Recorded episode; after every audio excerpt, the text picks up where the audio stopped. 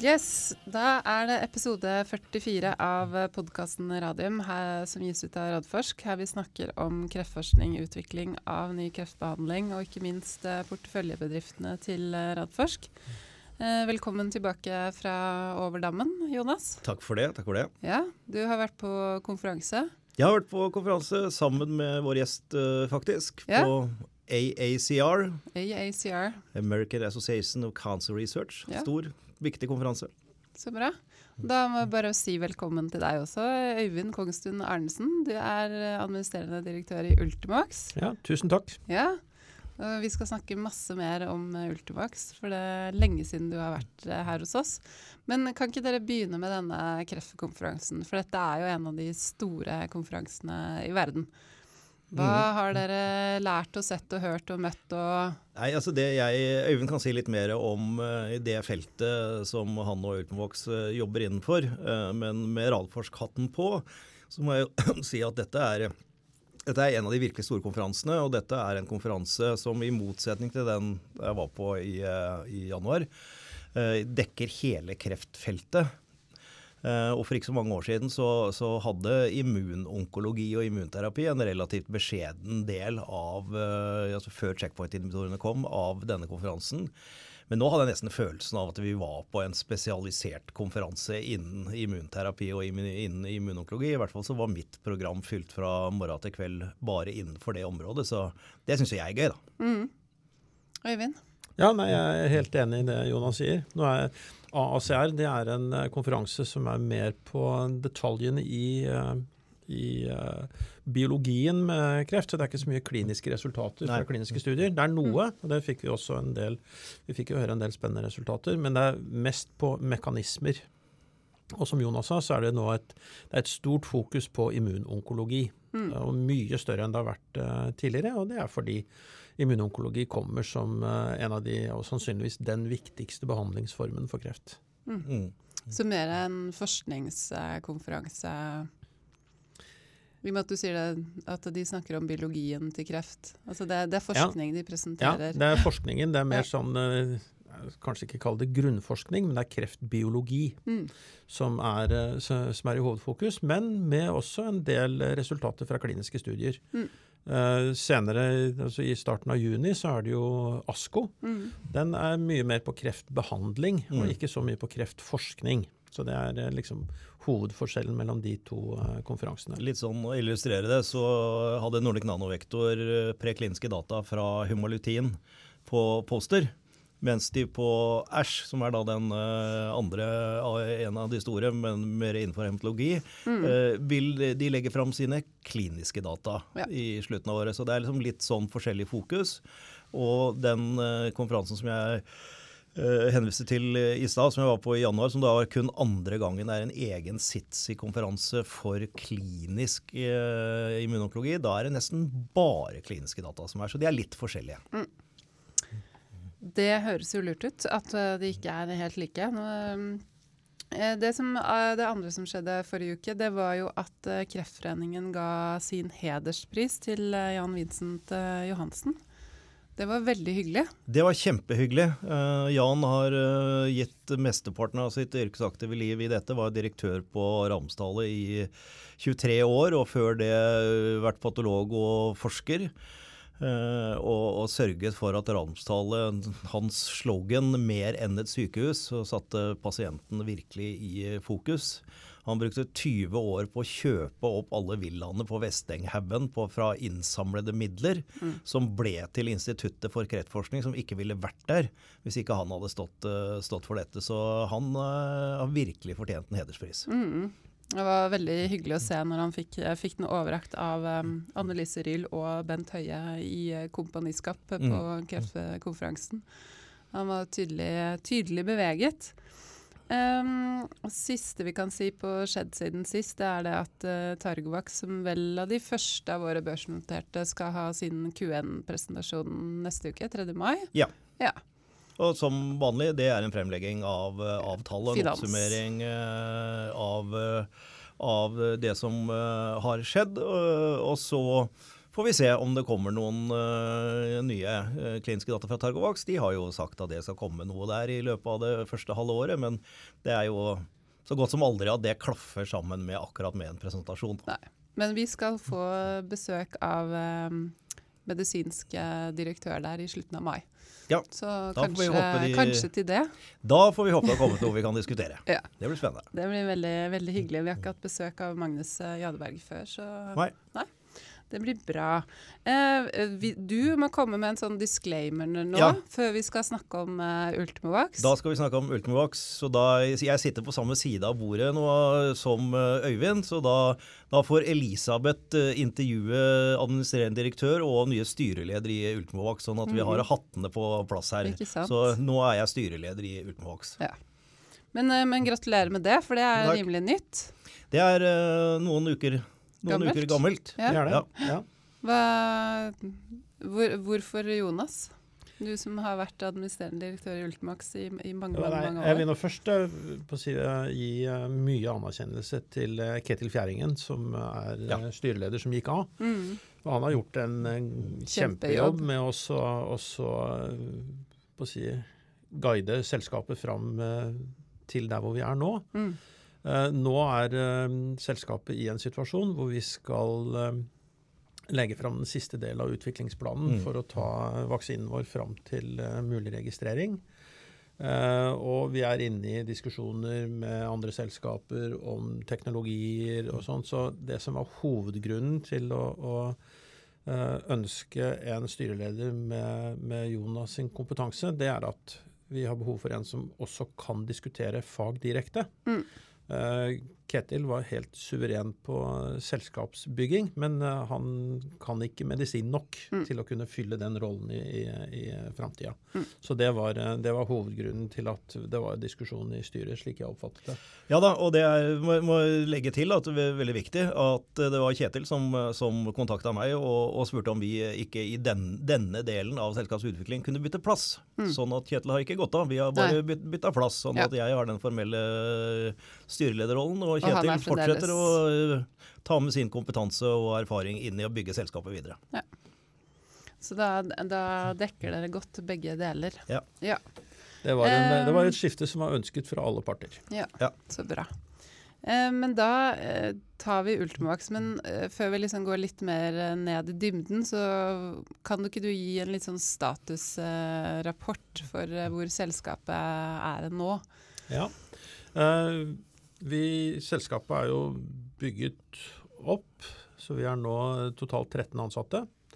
Eh, siste ansettelsen vi har gjort, det er på økonomi. Og før det, for bare kort tid siden, så ansatte vi Steinar Omdal, eh, professor på Radiumhospitalet, som gikk av med pensjon der, og som uh, syntes det var veldig hyggelig å komme over til oss. og vi har jo bruk for hans kompetanse og mm. dype kliniske kompetanse.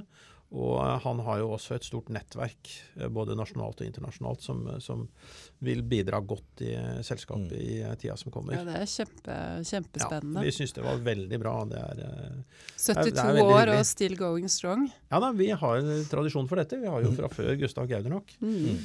Uh, som ansatt i selskapet. og sånn da. Men uh, jeg må si det, det, føles jo litt rart å gå rundt og si at du er sjefen til Gustav Gaudernock og Steinar Omdal. det føles ikke naturlig, for å si det sånn. Men, uh, men jeg ser organisasjonskartet, så er det sånn. Ja. Jeg, jeg, kan skrive under på Still Going Strong. Steinar var med på ACR-konferansen, mm. og jeg klarte ikke å holde det tempoet han har. Altså, han, Nei, det er, jeg ikke på. han spre, spretter ut på det jeg kaller nattmøter, og mm. kommer hjem etter fullt program. så der er det full fart. Ja. Og det samme med Gustav. Ja. ja. Så det er en, og, det er, og de, jo, de, har jo samarbeidet i mange år, så jo, vi får jo med et sånn lite team inn i selskapet. Så det er veldig, mm. veldig positivt. Så det er på liksom selskapsdelen. altså Vi har flyttet inn nye lokaler og sånn, så det er uh, gode dager. Mm. Uh, utviklingsmessig for vaksinen, det er jo det vi er her for. Det er å mm. utvikle UV1, vaksinen vår. Så har vi nå gjennomført uh, tre kliniske studier som alle har gått på Radiumhospitalet. Vi har én studie i prostatakreft. Det jeg kan si der om resultatene, er at det går veldig bra med pasientene. Mm. Men det gjør det vanligvis med den pasientgruppen, for de, de får veldig god uh, hjelp av uh, det du kaller for antiandrogenbehandling. Og sånn, så det er egentlig for tidlig til å si om vaksinen har gitt noen tilleggseffekt. Og det var heller ikke hensikten med studien. Mm. Hensikten med den studien var å finne riktig dose og undersøke bivirkninger, og så se at uh, immunsystemet til pasientene responderer sånn som vi vil at det skal Mm. gjøre.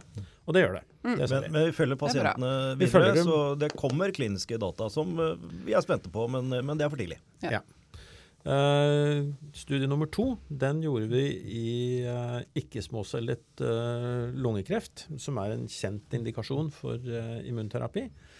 Eh, der har vi inne 18 pasienter. Eh, hensikten med den studien var også å undersøke sikkerheten ved bruk av vaksinen, og, og se på immunresponsene. Hovedforskjellen mellom eh, den prinsipielle hovedforskjellen mellom prostatastudien og lungestudien vår er at i prostatakreftstudien så fikk pasientene vaksine veldig tidlig i sykdomsforløpet. De, nettopp, de hadde nettopp fått diagnosen. Men de var ganske syke, for de hadde spredning til lymfeknuter eller knokkel eller begge deler. Ja. I lungestudien så var pasientene i andre enden av skalaen i sykdomsforløpet. Det var pasienter som har fått uh, mye tidligere behandlinger, hvor man ikke liksom har noen gode behandlingsalternativer igjen. Så de er helt liksom i sluttfasen av, eh, av behandlingen. Uh, av de 18 pasientene så er det nå uh, Nå har vi fulgt dem i snart tre år. Mhm. uh, og da er det sju av de 22 som er i live, og det er veldig bra for den pasientgruppen. Mm. Og så har vi det begrepet som vi bruker, som vi kaller for median overlevelse. Det er altså hvor lang tid går det fra, fra pasienten er inkludert i studien, uh, alle pasientene er inkludert i studien, til halvparten av dem har uh, gått bort. Det er median overlevelse. Mm. Og hos oss er det 28 måneder. Og det er et veldig godt Det resultat lenge. for det. Det er lenge for denne Ja. pasientpopulasjonen. Ja, altså, Det er 28 måneder, og hvis du da tar på en måte de to andre behandlingene vi har sammenlignet med, som er store studier, så er det Doxatexel Ja, det, det, ja Docetaxel, det, der er median overlevelse åtte måneder. Så det er veldig kort. Men på sjekkpunkthemmerne, med på pembrolizumab og nivolumab, Mm. eh, så er det 10-15 måneder som er sett i de studiene. median. Men eh, husk på, dette er en eh, åpen, veldig liten studie med bare Mm. 18 pasienter. Mm. Så her kan tilfeldigheter eh, spille en stor rolle. Så vi, ser, vi kaller dette for et positivt signal som vi har med i beslutningsgrunnlaget for hvordan vi skal gjøre videreutvikling. Ja. Mm. Det er det det betyr. Det betyr ikke at vi har dokumentert at pasientene har en økt overlevelse når de får Ja. vaksine. Uh, den siste studien som vi har uh, gjennomført, det er i uh, føflekkreft i kombinasjon med Jervoi, eller ipilimumab. Mm. Uh, og ipilimumab det er, en, det er den første sjekkpunkthemmeren som kom på markedet, og som ble tatt i klinisk bruk i, uh, i verden. Uh, den virker ved at den skrur av bremsen i lymfeknutene. Altså når, når disse T-cellene blir aktivert, så hvis ikke det hadde vært noen brems der, så hadde det blitt altfor mange av dem. Mm. Så mange at de kunne skadet pasienten. Mm. Og når man da blokkerer den bremsen, for oss som gir en vaksine, så betyr det at du får mange flere aktiverte T-celler mye tidligere. Og det er T-celler av den typen som vi prøver å skape med, med vaksinen. Eh, og vi eh, har tolv pasienter inne i den studien. Eh, med de pasientene så går det bra. Tre av dem døde veldig tidlig i forløpet, bare etter noen måneder. Mm. Men de ni som lever, de har også nå snart levd i tre år. Og de er, etter det vi hører fra utprøverne, de er helt stabile. Så de er, og nå har de levd i snart tre år. Mm. Og det begynner å være god grunn til å tro at dette er pasienter som har eh, overlevd kreften sin, og som er altså, det du kan kalle for kurert. Mm. For det er det man har sett før når man har gitt uh, Yervoy, det er at hvis pasientene lever i tre år, så er de trygge. Da er de på en måte kommet over Da er de, eh, kneika, ja, da er de kommet si dit sånn. hvor uh, immunsystemet har fått et så godt grep på kreftsvulsten at, eh, at uh, Holder de de, eh, det holder kreften i sjakk, og det fortsetter eh, det man har sett tidligere, i hvert fall i 13-14 år, som man har observert. Og lenger. Mm. Og det er ingen pasienter som, har, som er observert. Mm. Så det ser veldig veldig bra ut. Og det var jo nettopp intensjonen vår med den studien. Det var jo å se på at det var trygt å kombinere de to eh, medikamentene. Men vi har jo også en hypotese om at de pasientene som ikke får effekt av Jervoi, Mm. de får ikke effekt fordi de mangler aktiverte T-celler. Mm. Og det kunne vi gi dem med vår vaksine. Og det er jo grunn til å håpe og tro at det faktisk er det som har skjedd. da. At Mm. når vi har nå en, en responsrate på 75 eh, så vet vi at er, vi har jo god kontakt med de som gjorde denne IP4-studien, hvor pasientene fikk kun Yervoy. Eh, Der ligger overlevelsen på et sted mellom 35 og 40 Nettopp. for de pasientene, og vi er Mm. altså 75. Igjen, liten studie, men et veldig veldig klart positivt signal som leder meg over i det neste, og det Mm. er hva gjør vi nå videre med disse Mhm. resultatene. Mhm. Og det vi eh, har gjort, det er at vi har startet en studie i USA hvor vi tester kombinasjonen av vår vaksine med pembrolizumab eller Kitruda. Mm. Eh, Det er også en fase 1-studie. Det må vi gjøre eh, for å sjekke at det er trygt å gi disse i kombinasjon. fordi at det er ikke helt åpenbart at eh, det er uten bivirkninger å skape så mange aktiverte T-celler som vaksinen gjør, og så kombinere med en sjekkpunkthemmer uten at det også kan gi bivirkninger. Så det må vi sjekke grundig. Mm. Så Vi har nå startet den studien. Eh, Vi har vært igjennom det som man kaller en sånn IND-søknad, Investigational New Drug-søknad, med FDA. og Den prosessen gikk eh, veldig bra. Mm. Eh, og vi fikk lage den studien akkurat sånn som vi hadde tenkt å, tenkt å lage den. Og vi fikk også eh, godkjent selve produktet, altså produksjonen og kvaliteten Mm. på produktet. Det, jo Det å dokumentere det var en del av den søknadsprosessen, og det gikk igjennom. Mm. Så det gikk veldig bra. Så nå er alle, eller tre sites, tre sykehus, er det vi kaller eh, aktivert. Og vi går nå bare og venter på å få en e-post om at første pasient er inne i studien. Mm. Men det kan skje mens vi sitter sitter i studio. Ja. Så det er, Eller det kan ta opptil flere uker. Dette, det kan dette, kan, dette vet vi alt om. Her, her, guide, her guides ikke på når det skjer. Nei, det gjør det Ikke, ikke. si at det skjer Nei. når som helst. Nei. Og så er det videre framover da, så er vår tanke eh, Dette er jo, det er jo Nå de siste ukene så har det jo skjedd mye, eller skjedd en veldig viktig eh, ting i eh, immunonkologiverden, og det er at eh, de fase 3-studiene med IDO-hemmere de eh, klarte ikke å dokumentere at IDO har noen effekt, og det var ikke for noen subgrupper av pasienter og ingenting, eh, til stor overraskelse og det, skuffelse. ja, har det slått ned som en bombe? Var det det? Ja, det var Hadde det. man så det var det. store Ja, jeg satt, eh, forventninger? Det, det jeg gjør når, jeg, når sånne ting skjer, er at jeg, jeg tar et, noen skritt tilbake og så leser jeg de vitenskapelige artiklene som var liksom, som var beskriver hva trodde man om IDO-hemmere da liksom fase to var Mm. godt i gang og over. Og, sånn, og det var jo altså en optimisme og sånn knyttet til selve prinsippet Mm. som var veldig sterk. Og liksom alt har blitt kombinert med IDO, og man har gått på det. og Vi har jo vi slo jo fra oss å gå videre i føflekkreft, for at vi ville ikke klare å gjennomføre en klinisk studie før IDO kom på banen. Da måtte vi kombinere, så det, ble et, det var et, en utfordring for oss. Vi måtte velge oss andre indikasjoner enn eh, enn, en føflekkreft. Mm. Men uh, nå er plutselig alle studier med IDO stanset. Og det er ikke noen nye medikamenter som kommer til å komme inn i behandlingen på føflekkreft på eh, kort sikt. Mm. Og for oss betyr jo det at vi får en mulighet til å kunne velge å gå i føflekkreft som vi kanskje egentlig hadde ønsket. Ja. Ja. Dette er noe som vi det, har for, for eh, det slår ned som en bombe, ivrige- men det er en mulighet for dere. Nå har dere. vi ivrige diskusjoner, både internt, men også Mm. med de miljøene i USA som vi samarbeider med der, Mm. om eh, vi skal gå videre i føflekkreft og sånn. Og da er det, jeg da er det fint å ha Steinar og Gustav Ja. Mm. og disse med, med på laget. Men dette, dette viser jo eh, hvor komplisert denne verdenen er, og hvor viktig det er å være helt oppdatert på dette. Eh, Fordi vi da trodde, som alle andre, eh, selv om jeg må innrømme at noen var nok litt skeptiske til denne kombinasjonen fordi det er en bremsefjerner pluss en bremsefjerner. Og hvis det ikke er noe aktivitet allikevel, så hjelper det ikke hvor mange bremser du fjerner. Hvis du liksom har bilen stå på flatmark og du tar, Brems og brems tar, blir pluss. nei, tar av håndbrekket og det ikke skjer noe, så slipper du bremsepedalen, så står den like mye stille. Det er en teori, men, men, men den kan eh, underbygge litt der. Men allikevel så kan- var vi da i full gang med å se på hvordan vi skulle løse dette. At IDO pluss en checkpoint ble standard behandling.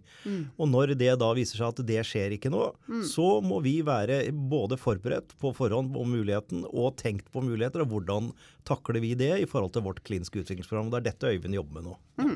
Bare si litt sånn, altså, det har vært så mye interesse rundt IDO. Så si at IDO er, det er, det er en annen type Altså Det er ikke egentlig en eh, sjekkpunkthemmer. Det er det ikke. Det er altså en bremsemekanisme som liksom setter ned litt farta på T-cellene. Men det er ikke en som liksom kontrollerer og er med på å kontrollere om T-celler skal angripe kreftceller eller ikke. Okay. Det er faktisk Det er sånn litt at mer den- sånn indirekte ja, den struper, eh, den, den struper eh, tilgangen på et stoff som T-cellene må ha for å kunne fungere optimalt. Mm. Så den liksom sakker dem ned litt, men de stopper dem ikke helt ut, helt fullt ut. Eh, og det er en del av, altså av stoffskifteomsetningen hos eh, T-cellene som blir, eh, blir påvirket. Men sånne prosesser for stoffskifteomsetning i celler er ekstremt Komplekst. kompliserte. Og det er Mm. ofte sånn at hvis du hemmer eller blokkerer én vei, så finner det seg bare en annen vei. Mm. Ikke sant? Mm. Hvis ikke du får uh, sukker å spise, så, får du, så klarer du deg med noe annet også. Mm. Så det er litt sånn, det er- det er litt i den banen det går. og sånn at IDO er ikke en sjekkpunkthemmer. Skjønner. Yep. Eh, men hvor mange pasienter skal dere inkludere i den første fase 1 med Keytruda i, i USA? Det kan jeg ikke gi et helt klart og tydelig svar på. Nei. Og det er fordi eh, hvis, hvis du tenker deg nå at vi kommer til å gjøre neste studie, og det blir da en stor randomisert pivotal studie Mm. i det samme, Mm. eh, så kan det hende at vi ikke behøver å ha denne første studien vår så veldig stor. Nei. Fordi vi kommer til å hente inn den sikkerhetsinformasjonen også i den nye randomiserte studien, sånn at det blir en diskusjon med FDA om Og min ambisjon da er å gå så lavt ned som vi får lov til. Ja. Og ta inn så få pasienter. Så vi spør rett og slett FDA at hvor mange pasienter må vi ha Mm. for at dere sier at vi har sikkerhetsdata som er nok til at vi får lov til å starte en randomisert studie. Mm. Eh, ser dere for dere da også litt sånn som PTI har uh, fått muligheten til å ha en sånn interimanalyse?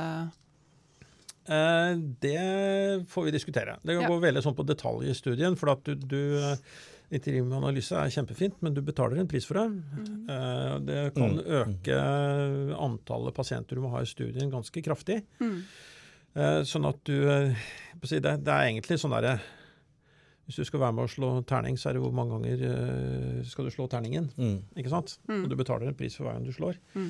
Så vi er, vi er nok Det er, det er en ren sånn, det er en ren sånn økonomisk avveining. Uh, hvor vi ser på hva har vi av forventninger om hvilken effekt vi kan dokumentere, eller hvilken effekt må vi dokumentere for å få vaksina godkjent. Mm. Og, og hvor mange pasienter må vi ha for å vise den forskjellen mot standardbehandling. Ikke sant? Så det er, masse, det det er egentlig et regnestykke Ja. Mm. Om hvordan vi gjør det. Og det, vi har ikke satt oss ned og sett på det der i detalj ennå.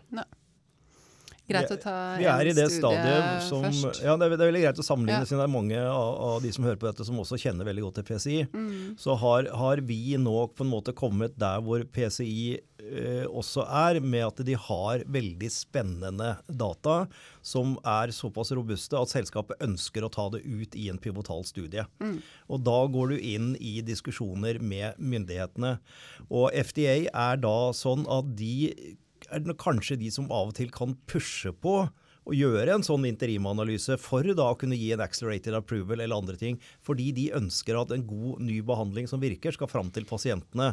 Og så kan det være at selskapet sier at ja, men den sjansen er relativt stor å ta hvis vi da ikke øker antallet og, og ser på hva er statistikken vi skal vise, hvor mye overlevelse ekstra skal vi vise, og alle disse tingene.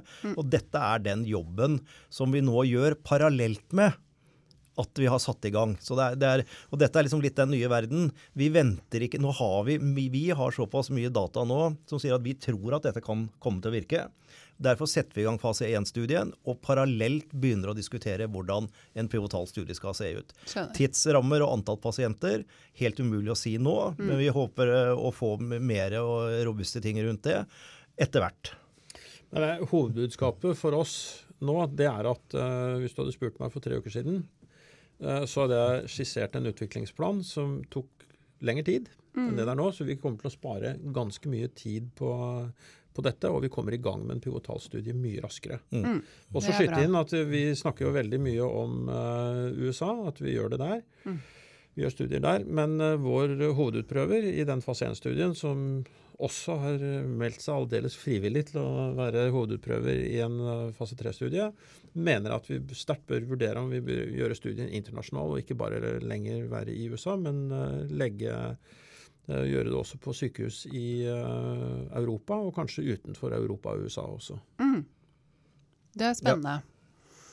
Ehm, neste spørsmål. Uh, fordi du har tidlig, tidligere snakka om at uh, at eh, den UV1 det kan gjøres til altså vaksinen deres det kan også utvikles til en forebyggende vaksine. Forebyggende kreftvaksine.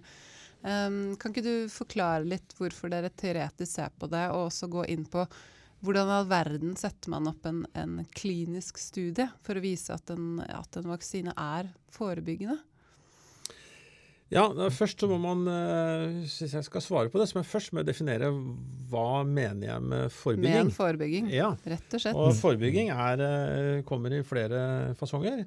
Altså Det som de fleste tenker på og assosierer med ordet forebygging, det er det vi kaller for primærforebygging. Mm. Og det er altså å forhindre at noen som har en risiko for en sykdom, får sykdommen. Mm. Det, er, eh, Mm. det, det er primærforebygging. Um, så har du sekundærforebygging. Uh, I kreftbehandling så kalles det veldig ofte for uh, adjuvantbehandling. Mm. Og det er egentlig det samme. og det er at du har Kirurgisk så har du fjernet alt som du vet om av tumorvev. Det er ingenting mer igjen. Mm. Men så vet man at eh, pasientene kan få tilbakefall, og at kreften kan komme opp igjen, og ganske mange også. Og så gir man en behandling for å forhindre et sånt tilbakefall. Det kalles for adjuvantbehandling, eller i andre, innenfor andre sykdomsgrupper så kalles det for sekundærprofylakse. Akkurat som man forhindrer at noen får et nytt hjerteinfarkt. Mm. Så det er sekundærprofylakse. Det vi tenker oss, eller det som er den generelle trenden, og det hørte vi på avslutningsforedraget på AACR, Mm. så er jo kreftbehandling nå er jo fokusert på kreftformene sånn som vi kjenner dem. Og de er jo da basert på den diagnostikken som man har brukt i alle år. Eh, og det er det man kan se på. sant? Pasienten får symptomer, eller går i et screeningprogram, og så tar man bilder eller gjør en eller annen undersøkelse, og så ser man at jo, dessverre, den pasienten har kreft. Da er kreften kommet veldig langt. Da har man en tumor med sitt, eh, det vi i immunonkologi kaller for sitt mikromiljø, som gjør livet surt for T-celler som prøver å drepe kreftcellene. Det, er en, det er en veldig vanskelig situasjon å behandle kreft i. Uh, og, men nesten hele fokuset er jo der nå. Ikke sant? Immunonkologi også er jo der. Det er etablert kreftsykdom man prøver å behandle. Mm. Jeg tror at på en sånn 10-15 års perspektiv så kommer man til å komme veldig mye lenger i å få til den behandlingen. Og det man da kan gjøre, er å prøve å flytte behandlingen over i et tidligere stadium av sykdommen, før svulsten er så etablert og så vanskelig å behandle. Lenge før man får symptomer. Og så kan man lenge før man får symptomer. Ja. Og grunnen til at jeg sier det, det er at det er ny teknologi som kommer, som gjør det mulig å mye skarpere definere personer som har spesielt høy risiko for å få kreft. Mm. Så hovedtrenden i kreftbehandling kommer til å gå mot å behandle kreft i et tidligere og tidligere og tidligere stadium. Kanskje helt dit hvor du kommer til å drive med primærprofylakse. Mm. Men da må du kunne identifisere personer som ikke har kreft i det hele tatt, men som man vet og har dokumentert at dette er personer som har kjempehøy risiko for å få kreft. Mm. Noen av dem noe- finnes jo allerede. Ja, det er sånn BRCA-mutasjoner. ikke sant? Det er Mm. kvinner som fjerner eh, bryst og eggstokker fordi de vet at de har en genetisk eh, disposisjon. Mm. Det er jo typisk en sånn gruppe som, eh, hvor eh, man kan, eh, kan tenke sånn. Det fins sjeldne varianter, som er uh, Lifraumeni-syndrom, som er en genetisk feil i reparasjonsmekanismene for muterte celler. Eh, det, de er, eh, det er ikke mange av dem, men det er veldig alvorlig. De får eh, ofte flere kreftformer før de er 20 år gamle, Mm. Ja. som har den arvelige disposisjonen. Det er sånn vi tenker. og det er Grunnen til at vi kan snakke om at vi kan flytte vår vaksine tidligere og tidligere, Mm. det er at eh, når man lager en vaksine, så bestemmer man seg for hva er det liksom du vil at eh, Hva er det du vil prøve å manipulere immunsystemet til å kjenne igjen? Mm. Og der er det mange forskjellige tilnærminger. Eh, du har uh, Vaxibody-varianten, uh, som tar en biopsi av pasientens svulst, Mm. og så finner de antigener som er helt spesifikke for akkurat den kreftsvulsten. Mm. Det er et veldig godt og besnærende prinsipp, og en, Mm. en, en veldig sånn, eh, imponerende teknologi. Og det er svært mulig at det er en, de kan virkelig gi gode bidrag til pasienter med, Mm. med den teknologien. Eh, men den teknologien kan ikke brukes før det faktisk fins en Nei, fysisk svulst i pasienten. Du må jo ha noe, ta- du må ha noe å ta prøve av. Mm. Så det er en, en, en eh, vaksineform som, eh, som du For at du, du kan ikke på forhånd gjette hva slags ha mutasjoner og antigener der. pasienten kommer til å få når de har kreft på et relativt seint stadium. Mm. Uh, og det er i motsetning til hvordan vår vaksine er. For våre antigener og det som er i vaksinen, det er mot noe vi vet kommer til å dukke opp i nesten alle kreftformer. Mm. 90% av alle Mm. kreftformer har kreftcellene har det på sin overflate som vår vaksine lærer T-cellene til å kjenne igjen. Mm. Og også si det at det er ikke Det er um, NCI, National Cancer Institute, som er kreftavdelingen av det amerikanske folkehelseinstituttet. Mm. Uh, de så dette prinsippet for noen år siden. De har et eget program som heter Prevent, som, eh, hvor de prøver å lage medikamentell forebyggende kreftbehandling. Mm. Eh, De tok kontakt med oss for noen år siden og sa at vi har sett hva dere holder på med, og ser det som en lovende kandidat til å kunne bli en forebyggende kreftvaksine. Mm. Så de, eh, spurte om de, de spurte om de kunne få litt vaksine av oss som de kunne teste på. og Det har de fått. Og de har drevet og testet i dyremodeller, og vi er i dialog med dem. Og har tanker om at vi kommer til å følge opp det, det videre. Eh, også fordi at vi nå driver og ser på ny adjuvansteknologi som gjør at eh, eh, peptidene våre, altså antigenene i vaksinen, eh, vil bli mye enklere å bruke i en sånn forebyggende setting. Mm. Så det er et helt klart mål vi har. Det er å eh, gå videre på og prøve å utvikle, denne, altså utvikle en forebyggende kreftvaksine. Mm. Bare ett poeng til slutt. Eh, det fins jo forebyggende kreftvaksiner i dag. Eh, eh, det de har til felles, er at de er rettet mot virusinfeksjoner som Mm. gir kreft. Så de er egentlig infeksjonsforebyggende vaksiner Mm. som forebygger kreft. Men det, vår ambisjon er å lage en vaksine som er en direkte forebyggende kreftvaksine, hvor immunsystemet settes i stand til å gjenkjenne kreftceller hvis de dukker opp. Mm. Uavhengig av hva slags krefttype Uavhengig av hva slags krefttype det er. Mm. Ah. Men, men hvor langt har man kommet da med, med diagnostikk? Jeg har jo hørt forskere snakke om eh, at man kanskje kommer dit at man kan ta en enkel blodprøve og identifisere enkelte kreftceller der. Eh, hvor- er man, hvor er man Ja, er jo- lei av Ja, det er jo, altså Mye av dette er jo på, går jo på gensekvensering, mm, og at man gjenkjenner mønstre mm, hos, eh, hos pasienter i gener og genetisk eh, disposisjon. Og Norge er jo en, eh, har jo en fantastisk posisjon til å bidra i den forskningen, for vi sitter jo på både kreftregister og biobanker. Mm. Så vi sitter jo allerede med fasiten i fanget. vi, Mm. må, vi må bare finne den. Grave den opp. Ja, du må begynne å se bakover. Mm, Altså Se hva, hva, slags, eh, hva slags eh, genetisk oppsett hadde nå disse pasientene. Og Det er veldig mye av den forskningen som kan gjøres i Norge. Men på ACR så var det et kjempefokus på dette. At man tidlig kan, eh, kan si noe om det. Og det er i det i Karolinska har gjort masse arbeid på dette med brystkreft. Hvor de tidlig kan forutsi hva, ikke bare at de får brystkreft, men hvilken type brystkreft Mm. kvinner kommer til å få. Mm. Og det er gjennom et, et stort registermateriale at de holder på med det. Mm. Dette er noe vi kan bli mye bedre på i Norge, men forskningen internasjonalt kommer så langt i dette at vi vi ser at uh, det kommer til å bli mulig på en helt annen måte å identifisere risiko for kreft. Mm. Så er det, det, er, det, er, helt riktig, og vi bør, vi bør være enda mer på, på, banen der med å utnytte de, de, fordelene vi allerede har. For det som eh, Øyvind sier, det er om ikke vi har fasiten, så, så vi i, sitter vi i hvert fall på dataene som kan gi en fasit mm. innen dette. Mm. Og En annen ting som, som, også kommer, er jo en annen type for tidlig diagnose av folk som er i ferd med å utvikle kreft, men i et veldig tidlig stadium. Mm. Og Da har du dette som heter liquid biopsies, mm. hvor man eh, nå etter hvert begynner å få veldig gode metoder å måle fragmenter av Eh, DNA fra en tumorcelle i blodet. Mm. Og man kan se en stigning av det, f.eks. med RAS-mutasjoner ved utviklingen av pankraskancer. Og kanskje det også ligger der fremme. At vi kan si at nå har denne pasienten er den i ferd med å utvikle en kreftsykdom, men vi finner ikke den på MR eller CT eller noen ting. Men kanskje vi da kan vaksinere og se om disse sirkulerende tumor-DNA går ned igjen. Dette er fortsatt teoretisk, men mm. det er et vindu her som er helt annerledes nå enn det var tidligere, for å utvikle en sånn profylaktisk vaksine. Mm.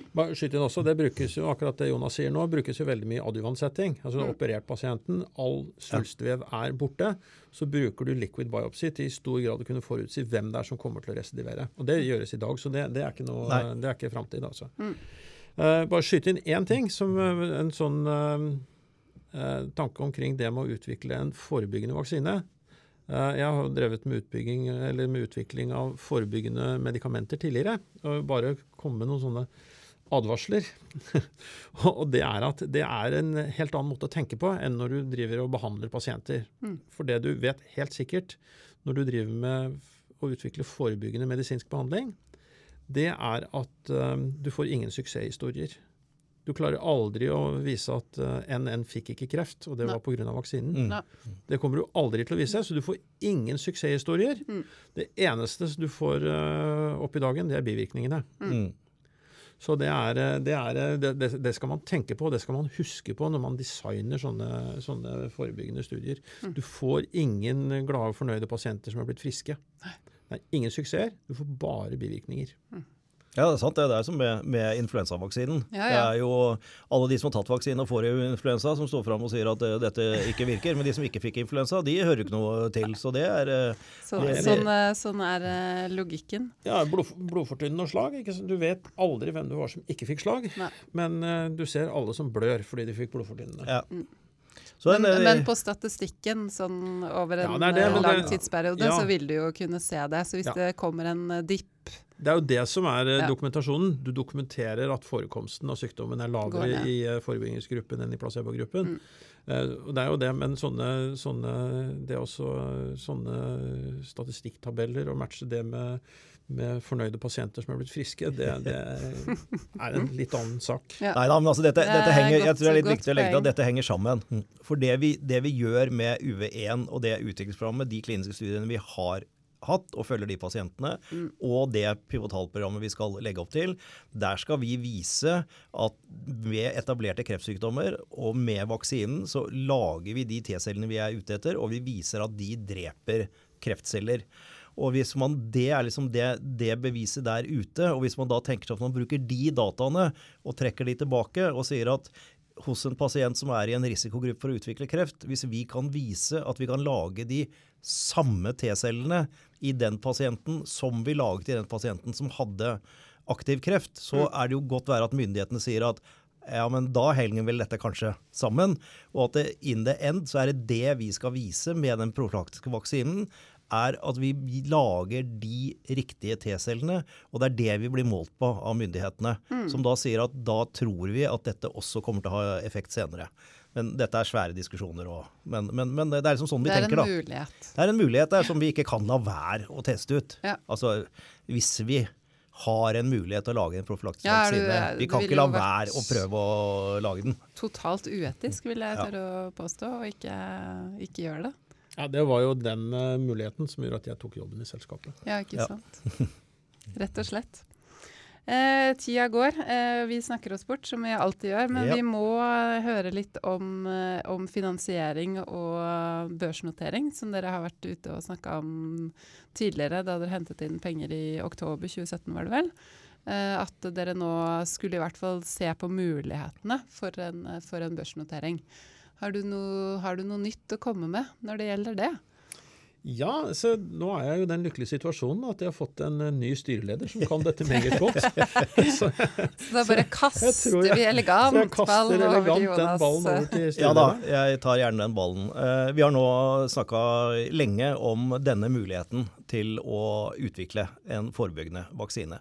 Det eh, gjør selskapet nå en grundig analyse å jobbe med, med dette med å skaffe en adjuvant som gjør at det er lettere og møter krava til hvordan en profylaktisk vaksine skal se ut. Der har vi flere prosjekter på gang. Eh, og det lages en tidsplan og en finansieringsplan for det nå. I tillegg så skal selskapet gjøre ferdig jobben og det foreløpige samtaler med FDA om hvordan et pivotalt program ser ut. Sånn at vi ser da hvor lang tid tar det, og har en eh, oversikt over hvor mye det koster å ta produktet frem til markedet. Og Når disse tingene er på plass, som vi jobber intenst med nå, vi snakker måneder før vi liksom har disse tallene på bordet, så må vi finansiere det. Ja. Og det er sånn med en pivotal studie at den vil vi ha fullfinansiert før vi starter den. Ja. Eh, Det er liksom et prinsipp som er nesten ufravikelig i dette. Vi må vite at vi kan fullføre studien. Og når de tingene er på plass, så vet vi hva slags tidsbilde vi har, og hva slags finansieringsbehov vi har. Og dette koster penger. Mye penger. Og da må vi reise de pengene. Og da er det to måter å gjøre det på, egentlig. Og det er å gjøre rettede eller åpne emisjoner på det private markedet mot eksisterende aksjonærer. Andre store nye aksjonærer, spesialistinvestorer eller å hente det gjennom en børsnotering. Eh, og i løpet av året er planen at vi gjennomfører eh, en av de to tingene. Og det vi ser på er muligheten for å gjøre en vellykket børsnotering med en så stor emisjon at vi føler oss trygge på å gjennomføre. Og det er på den måte den jobben jeg nå skal gjøre sammen med, med Øyvind fremover. Og så kommer det mer detaljer der underveis. Spennende. Ja, det er Ja. spennende. Ja, vi, eh, vi har fått inn noen spørsmål. Vi har sånn ca. tre minutter på å svare på dem, så jeg tror vi bare raser gjennom. Uh, vi har fått inn et spørsmål om samarbeidet mellom PCI og Biotech og Ultimovax. Ja, det jeg kan gjøre der, er å bekrefte at eh, samarbeidet eksisterer. Mm. Og så kan jeg ikke si så veldig mye mer enn det. Nei. Det er eh, den typen opplysninger som, eh, som kommuniseres når begge selskapene er klar for det, og det er riktig å gjøre det. Og Ja. det er ikke akkurat nå. Eh, men da kan vi ta neste spørsmål på, på PCI, for der har det vært eh, heftig aktivitet på Hegnar forum. Ja da. da ler du i skjegget ditt, Jonas, fordi her er det en, en ivrig eh, bruker av forumet som har gravd opp masse informasjon om, om eh, kliniske studier til PCI. Ja. Uh, og, og som lurer da på om du kan, ikke han eller hun som har eh, gravd opp, men eh, en av lytterne lurer på om du kan kommentere på de opplysningene. Ja, det kan jeg gjerne. Dette er en litt artig, artig sak, syns jeg, da. Det selskapet har sagt, er at de har eh, promising uh, efficacy-data. Eh, på samme måte som Øyvind sier for uh, nå, at det er, pilene peker i riktig retning. Det er opp, lovende. Opp, lovende, Ja. oppmuntrende, men eh, ingen grunn til å konkludere på noen ting med altfor få pasienter. Samme som eh, jeg sa når jeg var styreleder i Targovax. Ja. Uh, og så er det sånn at uh, den, uh, hvis jeg har skjønt dette riktig, da, med alle, alle forbehold om det som alltid, men, eh, men de hadde altså en patentsøknad som dekket eh, behandlingen av gallekreft med Amfinex pluss gemcitabin, som var standard behandling. Så er eh, det kommet en ny standardbehandling eh, nå i, i disse som egentlig har dårlig effekt, eh, som fikk gemcitabin tidligere, og det er dette som heter Gemcap. Og da, da er det gemcitabin pluss cisplatin. Eh, og det ser ut til å bli den nye, og er vel allerede nå da den nye standardbehandlingen, selv om ikke det er en godkjent behandling, så er det den som brukes på gallekreft.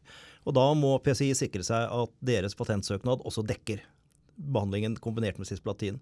Og det har de sendt inn i jeg tror det var i oktober i fjor, en patentsøknad på. Og så er det visse sider, som bl.a. dette Patentscope, som publiserer alt som blir publisert fra patentkontorer. Og når man skal utvide en patentsøknad, så må man komme med eksempler for å overbevise patentmyndighetene. Og de eksemplene som eh, PCI la inn, det var data fra denne fase 1-2-studien. Mm. Så dermed ble de publisert. Og nå kan man gå inn og grave og se at den pasienten i den kohorten levde så lenge og fikk en behandling til etter så lang tid. Vi visste at det var noen pasienter som hadde fått flere behandlinger, for det har Per Volley opplyst om eh, tidligere. Mm. Men nå kan vi se hvilken pasient det var, og hvor lenge etter, og hvor lenge den har levd fram til disse eksemplene er sendt inn. Mm.